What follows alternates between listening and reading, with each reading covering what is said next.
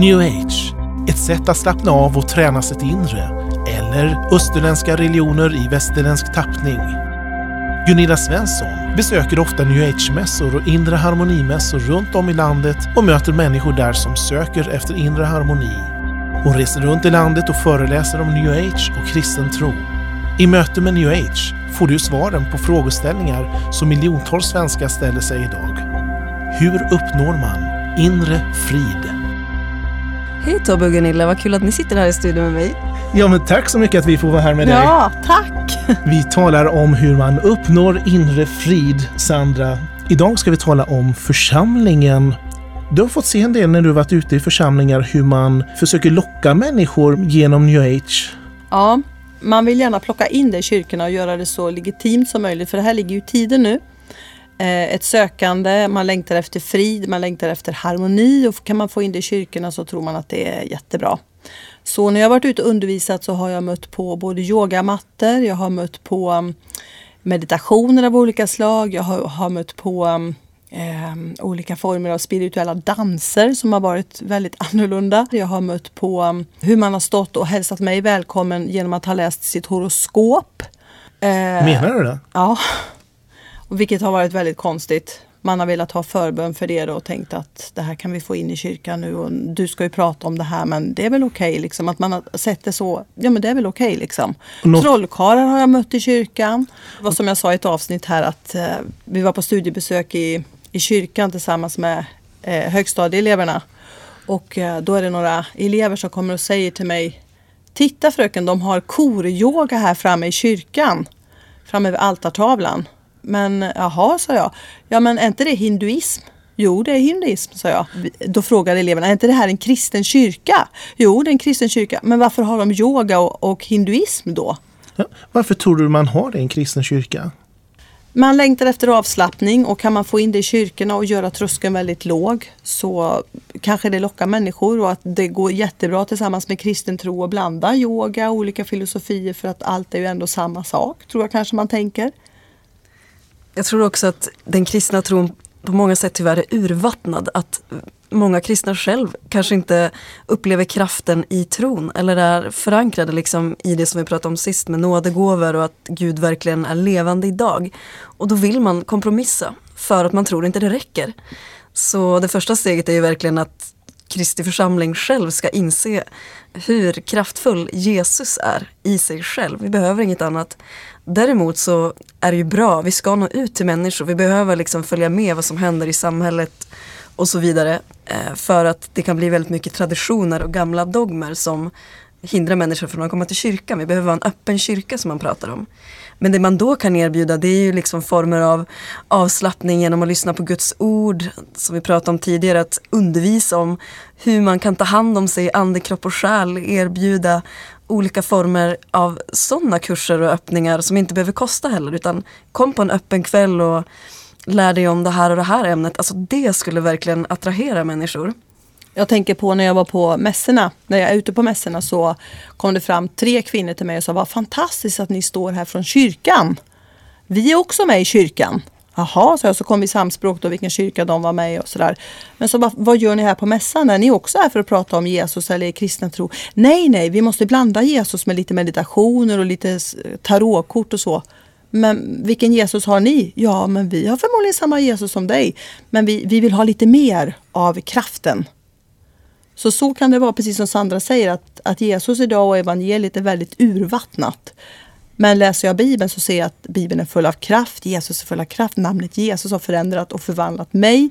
Så ja. Jag tror egentligen att alla i Kristi kropp skulle behöva besöka en sån här new age inre harmonimässa för att se att den andliga verkligheten är sanning. Vi kan mm. läsa om att det finns en andlig strid, en annan andlig verklighet och fienden och så vidare och så vidare.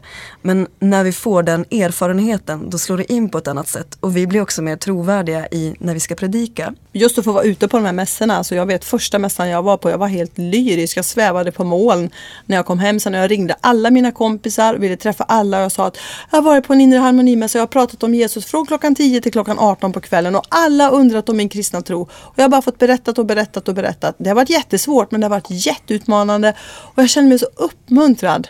Alltså det här liksom, vad tror jag på? Varför tror jag på det här? Att bara få, få ge det till människor. Så oerhört engagerande och roligt. Och vill man evangelisera, alltså det är som att stå och fiska. Det är som barnkalas, man står i en fiskdamm, man ska söka. Det är så många som vill ha, de törstar. Mm. Det är helt fantastiskt. Och just att man kan prata om liksom, häxor och häxkraft och så vidare. Och att, ja, men det är någonting som finns i Afrika, den andliga verkligheten. Och där händer det manifestationer och så vidare. Vi läser om det i kristna sammanhang också. Men nej, det finns överallt. Det finns i Sverige. Vi behöver gå ut och se vad det är som finns och möta de människorna där de är för att kunna förstå och för att kunna vittna.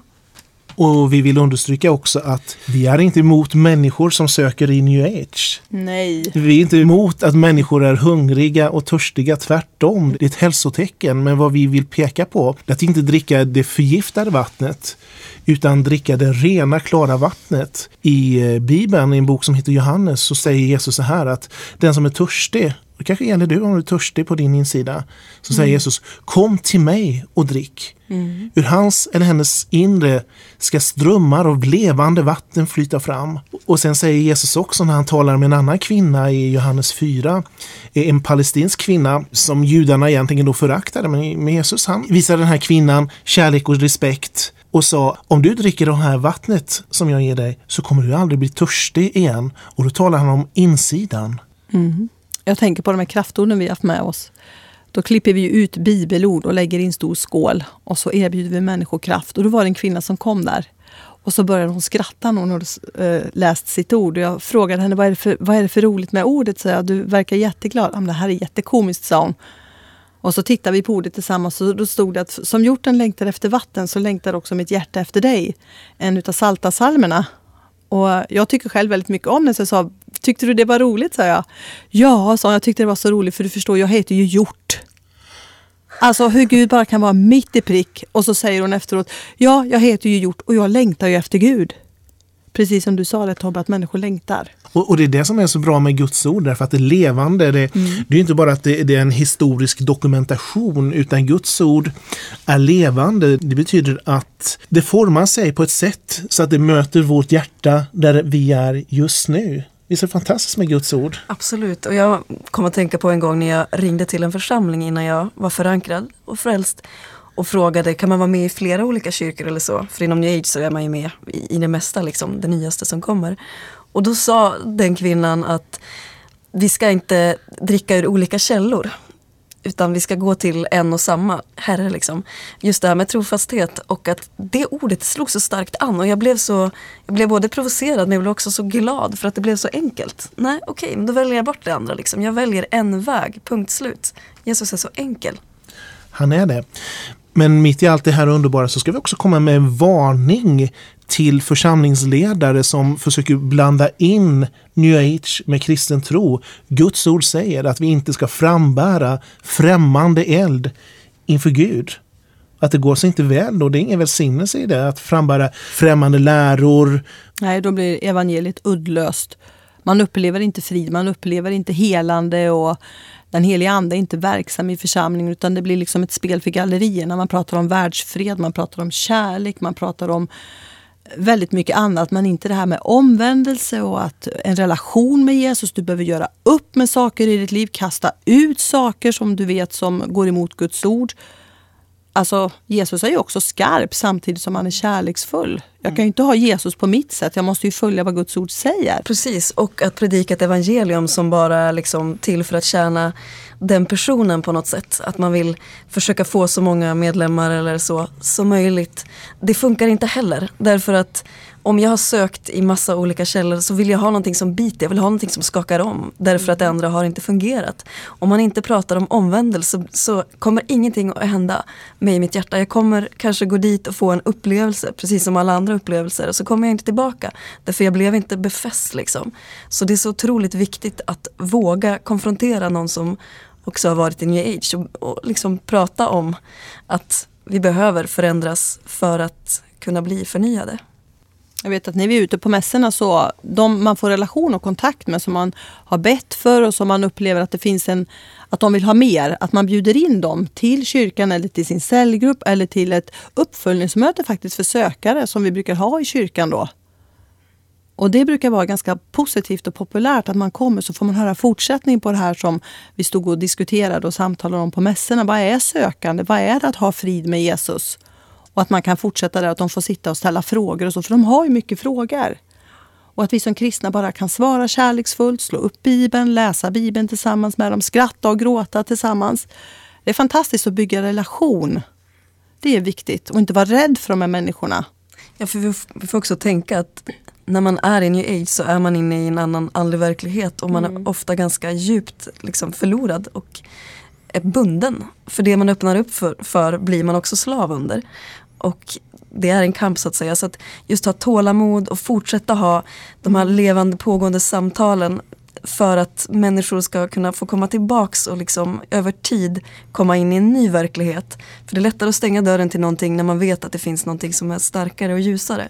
Om du som är församlingsledare eller tjänar Gud genom att jobba i någon församling och lyssna på det här så kompromissa inte med din tro för att nå människor därför att det är ingen som tycker det är roligt med ett urvattnat evangelium. Sök Gud i sitt ord.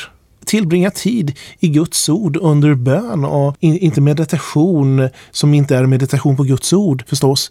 Umgås med Gud.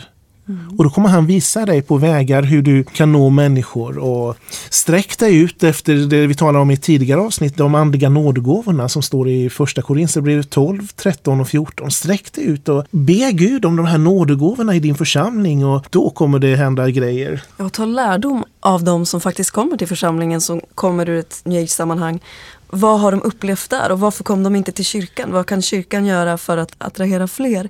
Mm. Och liksom se dem som en gåva därför att de sitter inne på en sanning och förmodligen väldigt många kontakter som mm. vi inte vet hur vi ska nå för att vi inte är i kontakt med de människorna.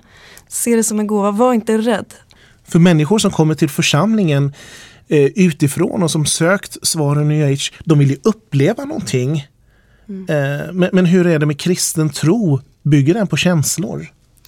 Nej, det är det den inte gör. Och det var ganska förvirrande för mig. Eh, för att jag var så van att tänka att det skulle kännas bra och man skulle tänka vissa saker för att liksom, hitta hem och så vidare.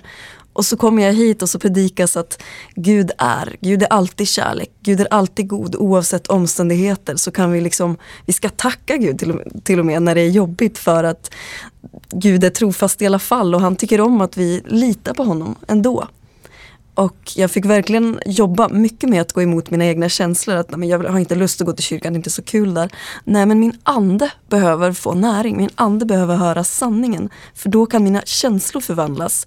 För det står också i Guds ord att anden står över vårt kött så att säga, våra, våra känslor. Och vi har ju fått känslor av Gud, det är något fantastiskt. Vi ska ju känna och uppleva och så vidare. Men just att vi ska inte vara beroende eller styrda av våra känslor utan vi ska låta dem också omformas av anden och av Guds ord. Och då kommer känslorna bli mer och mer sköna att ha att göra med också. Det håller jag med om Sandra och jag tänker själv som har varit kristen i många år nu att ibland känns det som bönerna bara når till taket och man bara ber och ber och det händer ingenting. Men det är ju samma grej där. Liksom. Jag fortsätter att be, jag fortsätter att läsa ut Guds ord oavsett vad jag känner, oavsett vad jag ser. För Guds ord är verksamt, det är levande, det är tveeggat. Och eh, jag vet att det förändrar och förvandlar mig. Men vi som människor är vi ju väldigt känslosamma. Vi vill känna. Men vårt liv är byggt på Guds ord istället. Vårt liv är förankrat i det. Sen när Gud kommer med känslor och svallar om oss och vi gråter, då är det fantastiskt. Och just det jag kunde uppleva också var att jag fick ett balanserat känsloliv på ett helt annat sätt. Alltså jag brottades väldigt mycket med ilska till exempel. Eh, och stress och sådana grejer. Och under det första året jag gick bibelskola så bara blev jag medveten att var är min ilska?